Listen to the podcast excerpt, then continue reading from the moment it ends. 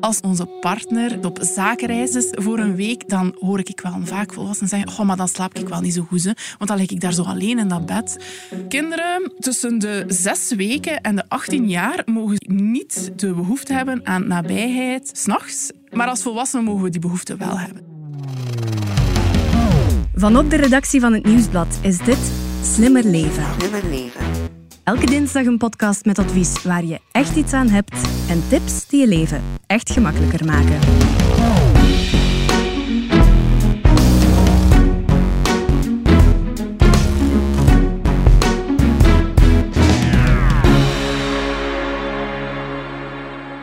Vandaag hebben we het over baby's en kleine kindjes. Wat doe je als je peuter alles bij elkaar krijgt in de supermarkt of van elke maaltijd een drama maakt? En waarom mag je als ouder ook best een beetje lui zijn? Dat komen we vandaag te weten. Ik ben Elias Meekens en bij mij zit Tini Brandt, redactrice van het Nieuwsblad. Hallo, dag Elias. En Nina Mouton, gezinspsychologe en auteur van het boek Mild Ouderschap. Dag Elias. Dag Nina. In deze podcast gaan we het dus hebben over opvoeden op een milde manier. Waarom worden kindjes soms boos en hoe pak je dat aan? Waarom is straffen niet de beste manier om een kind iets te leren? En hoe blijf je als ouder zelf boven water? Alle antwoorden in deze aflevering van Slimmer Leven. Ja, Tini, jij was bijzonder enthousiast toen je hoorde dat uh, Nina naar onze studio kwam. Kan je even uitleggen waarom? Ja, ja, dat is zo.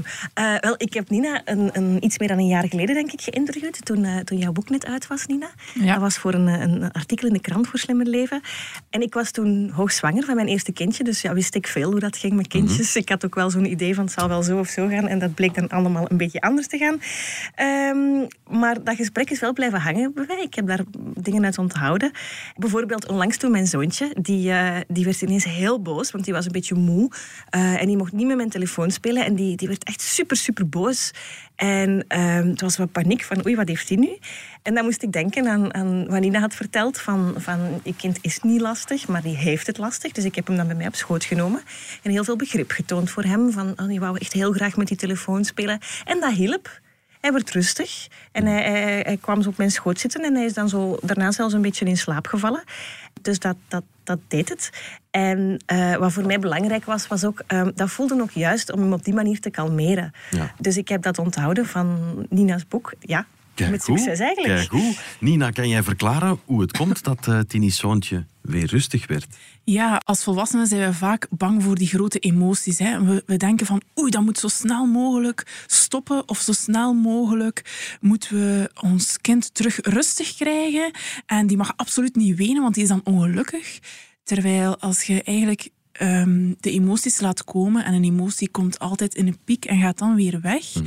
en er heel erg nabij bij blijft, zoals dat Tini heeft gedaan, dan gaat dat vanzelf terug over. Eigenlijk proberen we dat als ouder heel vaak op te lossen, maar dat hoeft helemaal niet. Die emotie is dan ontladen Mhm. en um, dan kunnen ze vanzelf weer uh, rustig worden zonder dat we ook hen moeten straffen of hen moeten wijzen op um, je doet nu iets verkeerd of je moet daar toch niet zo voor, voor huilen. Maar dat zijn we vaak zo wat afgeleerd als Ja. ouder. We Ja. gaan er vaak in mee misschien, denk ik. Hè? In de boosheid of in de Ja, lichte hysterie. Hè? boosheid bestrijden met boosheid. Ja. Zo, hè. Ja, je kind is dan boos en dan word jij ook boos. Dan is dat zo'n opbod van Ja. boosheid. En op den duur staat je zo te roepen tegen je kleuter, gelijk een kleuter. Ja. Hè, zo twee kleuters tegen elkaar. Wat dat dan voor niemand, niemand Nee, goed is. nee, nee. Maar wat Ehm, Tini deed, is dus ook iets dat je bijvoorbeeld in de supermarkt, als het gebeurt, perfect kan toepassen in feite. Ja, alleen is het in de supermarkt altijd een beetje lastig, omdat je omstaanders hebt natuurlijk. Hè. Ja. Ik hoor vaak, ja, niet in mijn eigen living, maar in de supermarkt of eh, ja, ergens op straat, dat is toch wel wat moeilijker. En dan raad ik altijd aan van, steek jezelf in een bubbel. Nu, Ah, ja. de bubbel...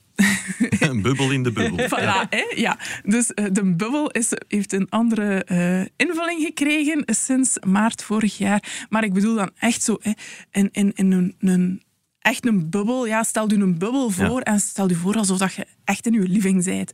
Of, ehm, of toch thuis. Hè, en dat je echt weer kunt verbinden met je kind. Want anders zijt je aan het verbinden met al de mensen rondom u heen. Ja, ja, met, met, wat, wat, denkt, wat denkt die mevrouw die juist gepasseerd Wat is? zullen de mensen denken? Ja, voilà, voilà, voilà. En dan kunnen we niet meer verbinden met onszelf en met ons kind. Zie je het jezelf al doen, Tini, in de supermarkt? Wel, dat heb ik nu eigenlijk nog niet geprobeerd. Ehm, maar je hebt, je hebt wel gelijk, ik herken dat wel, dat het vaak anderen zijn eh, die dat moeilijk maken. Ik ga nog een, een ander voorbeeld geven. Hè. Ehm, mijn, mijn zoontje die, die wil alleen diep slapen en, en echt op zijn gemak slapen, overdag vooral, ehm, als ik naast hem leg in het grote bed. En eigenlijk op zich is dat niet zo raar. Hè? Dat zo'n kindje eh, die beseft als hij heel klein is nog niet dat hij in een veilig huis bij zijn, in zijn veilig bedje ligt. Dus die wil dat zijn mama naast hem ligt. Ehm, voordat hij zich eigenlijk kan overgeven aan die slaap. Ehm, maar toch laat ik me daar regelmatig aanpraten door, door vrienden die kindjes hebben die wel heel goed hun dutjes doen. En zelfs door kind en gezin. Dat hij toch eigenlijk alleen in zijn bedje zou moeten leren slapen. Dat dat voor mij toch veel makkelijker zou zijn. Dan had ik overdag een beetje tijd voor mezelf. Eh, dat voelt ook gewoon helemaal niet natuurlijk om een kindje in zijn bedje te laten huilen, vind ik. ik, ik dat gaat niet voor mij. Ja, inderdaad. We zijn vaak zo bang om te verwennen met aandacht. Hè. En kinderen moeten al van als dat ze geboren zijn, zelfstandig worden. En zo snel mogelijk klaar zijn voor de grote wereld.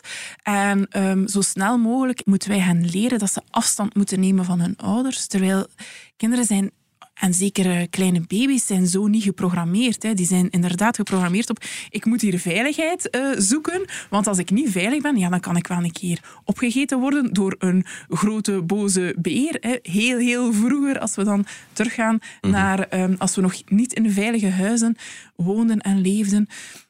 Maar een baby beseft dat natuurlijk inderdaad niet. En die nabijheid die zorgt voor veiligheid. En slapen kan zo'n enorme machtsstrijd met zich meebrengen. Hè. Jij moet nu in uw bed slapen. Ja, terwijl een kind dat niet kan slapen omdat hij zich niet veilig voelt, die zal ook niet slapen. En dan zie ik heel veel ouders in, in, in de strijd gaan van ja, je moet het toch kunnen of je moet het toch leren. Of eh, ze krijgen aan- aangeraden van ja, laat hij maar huilen en zet een babyfoon uit en zet u van achter in de tuin. En achter drie dagen is dat, is dat gedaan.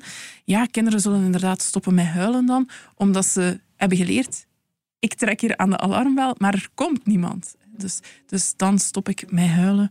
En die goede raad die dat we dan krijgen, die helpt ons dan niet. Hè. Die brengt ons alleen maar verder weg Ja. van ons moeder- of ons vadergevoel. Maar het is toch misschien niet de bedoeling dat dat kind dan dagelijks bij de ouders ligt, toch? Waarom niet? Ik weet het niet. Dat is een vraag die, die ik jou stel, Nina. Ja, heel vaak ehm, hebben mensen wel dat idee van oei, oei, oei, ja, we gaan er hier een gewoonte van maken. En wat dan nog, zeg ik dan altijd.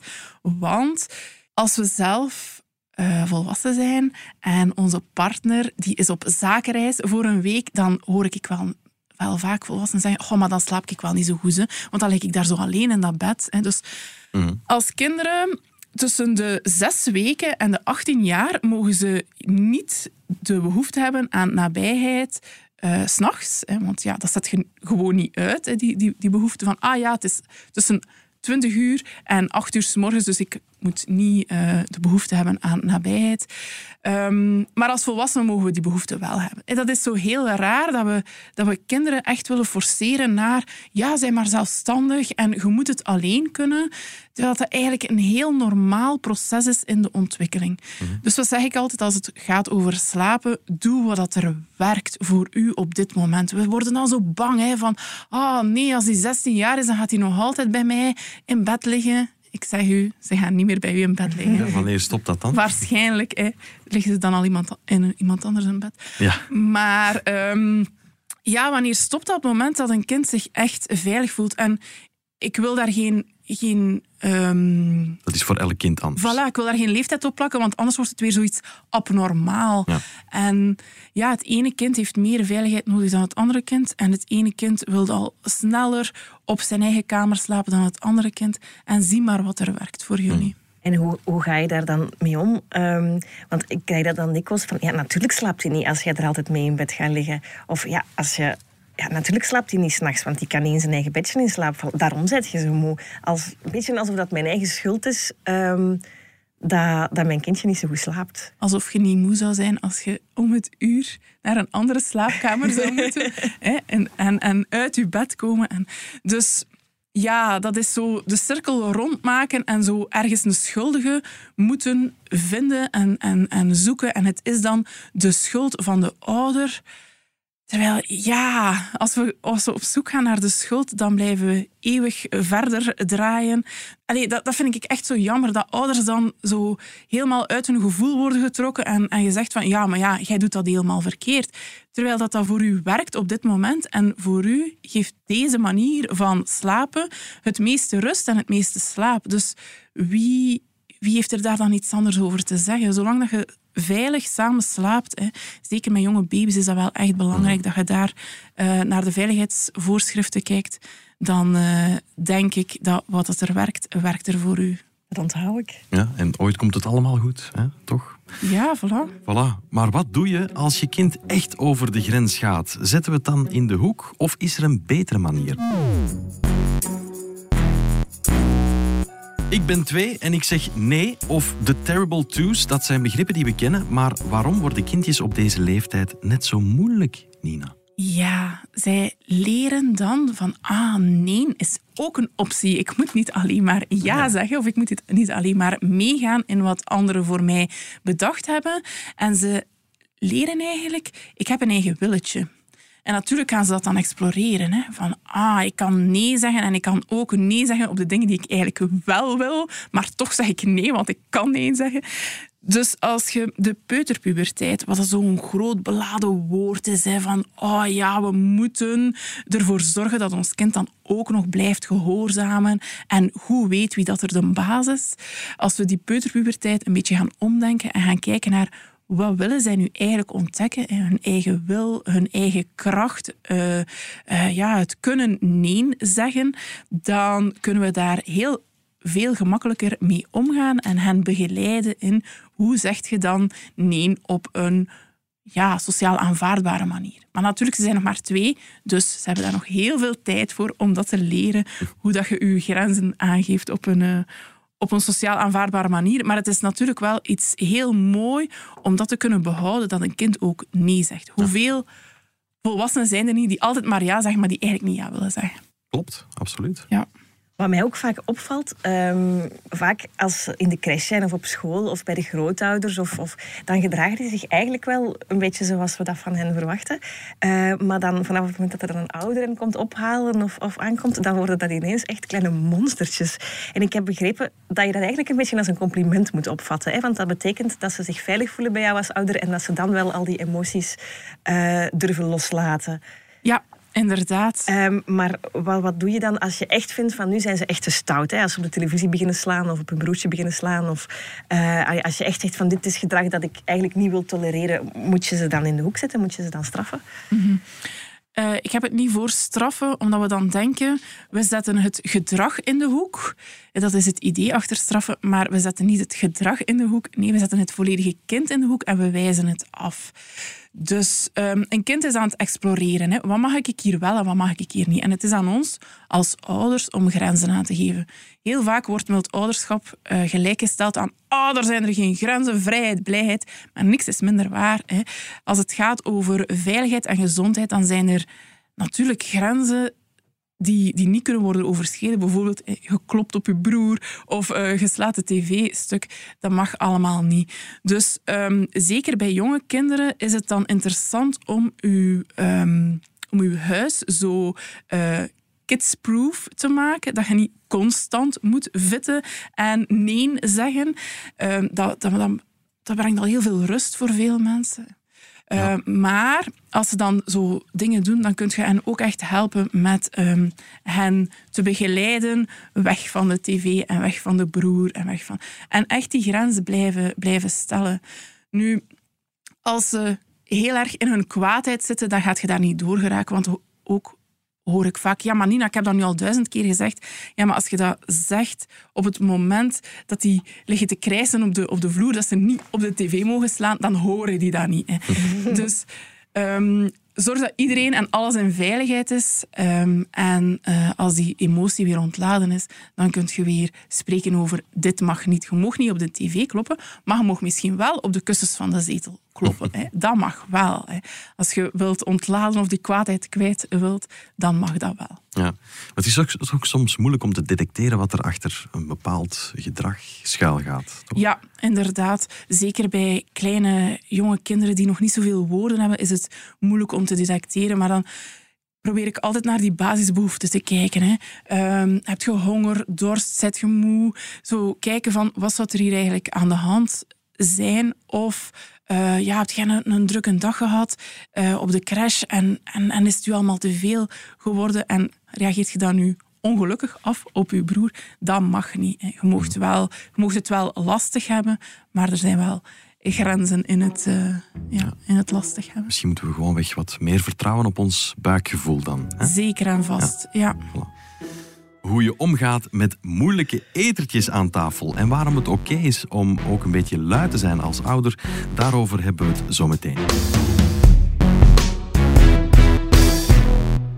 Hey, ik ben Xander. Wist je dat wanneer je smartphone volgeladen is, je lader elektriciteit blijft verbruiken als je hem niet uit het stopcontact haalt? Voor de podcast Ik geloof erin van Engie ben ik op zoek gegaan naar mensen zoals jij en ik die met kleine ingrepen streven naar een toekomst die duurzamer is. Luister naar de verhalen van Moenia, Jan, Laura en Jens op Spotify, op Apple Podcast of op YouTube. In elke aflevering geeft een expert van Engie ook praktische energiebespaartips.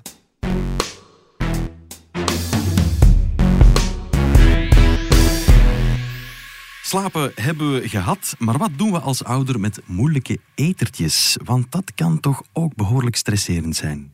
Nina, ja, waarom doen ze soms aan tafel zo moeilijk? Ja, als het gaat over eten, is dat een van de drie zaken waar, waar er een enorme machtsstrijd op kan ontstaan. Hè. Slapen, eten en zindelijkheidstraining. Want als een kind niet wil eten, zijn mond niet wil openen, dan zal het ook niet eten. En dan proberen wij als ouder van alle trucjes om die toch te doen eten of om toch te, te, te laten proeven. Nu, rond twee jaar is het heel normaal, en veel mensen weten dat niet, dat kinderen kieskeuriger worden. En dat ze, ehm, omdat ze denken, dit is een banaan, bijvoorbeeld, die is geel en die is krom en geef je die de volgende dag een banaan met vijf bruine plekjes op, dan is dat geen banaan meer. Dus die leren heel erg van eh, in concepten denken. Wat is een banaan, wat is een appel? Maar nu geeft jij mij iets anders. Aardappelen ook. Dit is een gekookte aardappel, dit is puree. Kinderen beseffen niet dat dat, dat, dat alle twee aardappelen zijn. En dus ze moeten dat eigenlijk opnieuw wel leren vertrouwen. Wat dat ook heel erg ehm, normaal is, want een kind van twee die neemt afstand van, van zijn ouders. En vroeger, als we nog ehm, niet in onze huizen woonden hè, en eh, gingen, gingen verzamelen en kinderen zouden alles in hun mond steken, ja, dan zouden ze wel een keer een giftige bes in, hun mond kunnen steken. Dus ehm, het is heel normaal dat kinderen die alles aten, plots veel minder, eh, minder beginnen eten. En als je dan in de machtsstrijd geraakt van allee, gaat dat gisteren nog? Of je hebt dat altijd graag gegeten? Dan, ehm, ja, dan wordt het wel eens heftig aan tafel voor iedereen. Wat, wat is dan de oplossing? De, ja, de oplossing. Wat kan je Eh, doen? Wat kan je doen? Ja, voilà. Ehm, blijven aanbieden en een goede regel van als ouder beslist je wat dat er eh, op tafel komt, maar zorg ervoor dat ze zeker iets van wat er op hun bord ligt eten. En dan moet je wel loslaten van oké, vandaag eten ze alleen de pasta, want al de rest willen ze niet eten of lusten ze plots niet meer. Maar dat gaat wel terugkomen als je dat vertrouwen eh, blijft hebben. En kinderen mogen beslissen hoeveel ze eten. Eh, dat is ook zo'n grote valkuil. Van alleen nog één hapje, nog één. Terwijl kinderen heel goed eigenlijk kunnen aanvoelen als ze genoeg hebben. En zo voorkomt je eigenlijk wel eh, dat kinderen leren van, van zich te overeten. Ja, de reden waarom dat eten ook vaak zoveel stress met zich meebrengt, ik ervaar dat nu al, dat, dat ehm, ja, wordt toch om de oren geslagen met hoe belangrijk dat, dat is, dat die kindjes gezond eten en veel groente en fruit en geen, zeker geen suiker. En, en ja, soms ehm, willen ze dan toch alleen maar hun petit servetten eten of inderdaad alleen hun pasta eten of, of de groentjes niet opeten. Ja, hoe ga je daar dan mee om? Ja, wat dat vaak helpt is dat je het eten bekijkt over een week in plaats van deze maaltijd is mislukt tussen aanhalingstekens, want ze hebben alleen pasta gegeten. Als je het eigenlijk dat bekijkt over een week, dan gaan ze veel gevarieerder gegeten hebben dan uh, als je ja, zo je vastpunt op die ene maaltijd. Blijven aanbieden en ook weten van oh, proeven heel vaak is voor ons proeven. Je steekt het in je mond en je slikt het door. Dan hebben ze echt geproefd. Maar kinderen die bang zijn voor, en die zijn echt bang voor iets nieuws dat op hun bord ligt, dat is echt de angst voor uh, spruiten of voor appel of voor uh, vlees. Hè. Dat is geen komedie. Nee, dat is geen komedie. Dat is echt zo van, allee, wat is dat? Dan moet hier van mijn bord. Luister daar dan ook naar.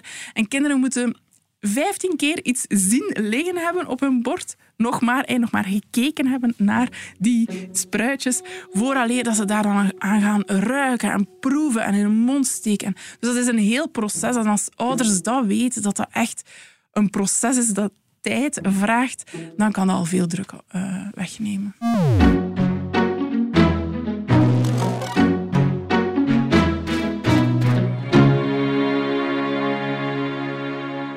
Wat ik me soms afvraag, Nina, nu we er zo over, over babbelen. Gebeurt het soms dat jij zo eens echt uitvliegt tegen je kinderen? Want nu lijkt het zo alsof dat het allemaal ja. met de mantel der liefde alsof en zachtjes... En, ja, ja, ja, maar zo eens een keer goed brullen, dat, dat gebeurt toch al wel eens, of niet? Ja, en dat mag ook. Hè. Je moogt echt wel je geduld verliezen of je moogt ook als ouder voelen wat je voelt. Hè? Want we willen zo graag dat onze kinderen mogen voelen wat, ze, wat ze voelen. En dan zou het wel heel raar zijn dat wij als ouder niet het voorbeeld geven van ik voel mij ook soms kwaad of verdrietig of bang. En uh, hoe gaat je daar dan op een volwassen manier mee om? Mhm. Dus natuurlijk eh, verliest je je geduld wel een keer. En uh, natuurlijk is het niet de bedoeling om de perfecte ouder te zijn. Mhm. En we hebben nu heel erg gefocust op wat kunt je doen voor je kinderen. Maar ik denk dat het ook heel belangrijk is. En daar, daar, um, ja, daar schrijf ik ook heel veel over. En daar vertel ik ook heel veel over. Dat we voor onszelf zorgen. Hè, en, echte zelf, en echte zelfzorg doen. En voor mij is dat hoe voelen wat we zelf voelen en voelen wat we nodig hebben. En dat dan ook in communicatie brengen, ook naar onze kinderen toe. En is er zoiets als gecontroleerd brullen of mag het gewoonweg uh, ongeleid zijn? Ah, wel, als je dus aan het roepen bent zoals eh, een kleuter tegen uw kleuter, dan zit je vaak in zo'n kinderlijke kwaadheid. Zo van, oh, het gaat mij hier niet. En dan is er vaak zoiets ge, geraakt geweest. Een blauwe plek noem ik dat. Uw kind heeft mhm. dan op die blauwe plek uh, geduwd. En dat is een kwetsuur van vroeger. Hè. Bijvoorbeeld, ik heb het gevoel dat jij niet naar mij luistert. Dat is natuurlijk, dat gaat niet over deze situatie, dat heb je vroeger ook al meegemaakt. En je kind duwt op die blauwe plek en jij begint te brullen. Dat is dan kinderlijke kwaadheid. Er is ook zoiets als volwassen kwaadheid. En als assertieve kwaadheid, je voelt je dan kwaad, maar je kunt dat op een volwassen manier mhm. eh, brengen. Maar is het, is het erg? Ah, het is mij ook al wel eens overkomen dat ik echt heel kwaad werd, dan, ja, omdat je zelf moe bent of weet ik veel. Um, is dat erg dat je dan zo toch eens echt heel boos bent geweest op je, op je kind? Is dat, is dat een trauma of zo voor hen? Tuurlijk niet. Tuurlijk niet. Ik denk dat we vaak zo hard uh, bezig zijn met het supergoed te doen, dat we dan um, ja, niet meer vanuit onszelf eh, mama of papa zijn, dat blijft nog altijd het allerbelangrijkste. En je kunt u altijd excuseren. Hè. En dat is ook een mooi voorbeeld. Um, hoe excuseert je u dan? Hè? Op, uh, op een moment dat je, ja, dat je zelf kwijt waart. Mhm. En dan, dan leren we onze kinderen ook weer veel. Hè. En mama en papa weten het ook niet altijd allemaal, of hebben het ook niet altijd allemaal op een rijtje. En zo geeft je ook eigenlijk het voorbeeld van als ouder, als volwassene, ja, we zijn mhm. niet de alwetende uh, personen, hè, want anders denken zij dat zij dat ook moeten zijn tegen dat ze 18 jaar zijn. Gelukkig maar, hè? Ja, voilà. Nu, nog eentje die ik heb onthouden, Nina, uit jouw boek, is dat je als ouder ook best een beetje lui mag zijn soms. Um, waarmee dat ik wil bedoelen um, dat je soms dingetjes die dat voor jezelf te veel energie vragen om, om een kind af te leren, dat je die dan ook maar toelaat. Bijvoorbeeld, ik laat um, mijn zoontje elke dag alle tijdschriften uit de kast halen en alle dvd's uit de kast halen, omdat ik het gewoon minder moeite vind om die er dan achteraf terug in te steken, dan om elke keer te zeggen, nee, dat mag niet, dat gaan we niet doen. Kan je daar wat meer over vertellen? Ja, dan gaat het over authentieke grenzen stellen. Hè.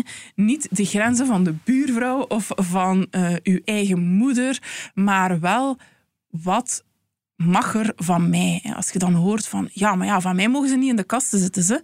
Ja, van mij wel. In die ene kast met de tijdschriften en de mhm. dvd's, die is voor hem en die mag hij inladen en uitladen. En, en dat zorgt er inderdaad voor dat hij bezig is en dat hij ik weet niet, amuseert. En ehm, ik ben op mijn gemak en voor mij kan het eigenlijk echt wel. Dus dat is echt zoeken hè, naar stel ik nu een grens omdat ik denk dat dat een goede grens is, of stel ik nu die grens voor mijzelf?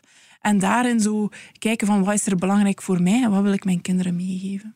Dat hij dus met de tijdschriften mag spelen, heb ik geen enkel probleem mee. Ik ben zelfs meer op mijn gemak. Dan weet ik van, hij is dat aan het doen. En hij denkt misschien dat dat niet mag. Dus dat is goed. Eigenlijk, doe, eigenlijk doe je dat supergoed. Ja. ja, zeker. Ja. Ik heb er natuurlijk ook maar eentje. Ik denk dat het met twee moeilijker is. Oh, het is anders. Het is anders, ja, omdat je met twee verschillende leeftijden zit. Maar dan, dat zit, maar dan, dan heb je die interactie tussen die twee. En dat is ook weer super. Ja, dat is misschien waar. We onthouden ook vooral dat die kleine uh, gastjes, hoe lastig ook, het zeker niet slecht bedoelen. Ze doen het absoluut niet om het de ouders lastig te maken, maar soms zijn gewoon, ja, kunnen ze gewoon hun emoties niet... Uh, ja, voor mij werkt dat wel. Dat ze als je zo op ontploffen staat van nee, hij, hij is niet lastig, hij heeft het lastig. Mhm, mhm. Dat, ja. Dat, ja, zelfs na een heel korte nacht eh, wil dat wel werken voor mij om, om een beetje rustig te blijven. Even dus. volhouden, Tini. Die nachten worden beter. Dank je wel, Elias. Dank je wel. en uh, Nina, dank je wel om naar onze studio te komen. Ehm, wat mogen we van jou nog verwachten de komende maanden? Ja, ik ben volop bezig aan een mild ouderschaps online traject eindelijk. Want er werd heel erg uh, veel naar gevraagd. Hè. Dus er is het boek en er is het werkboek. Maar ja, hoe moeten we dat dan in de praktijk doen? En dus begeleid ik jullie met video's in het mild ouderschap. Super, klinkt interessant.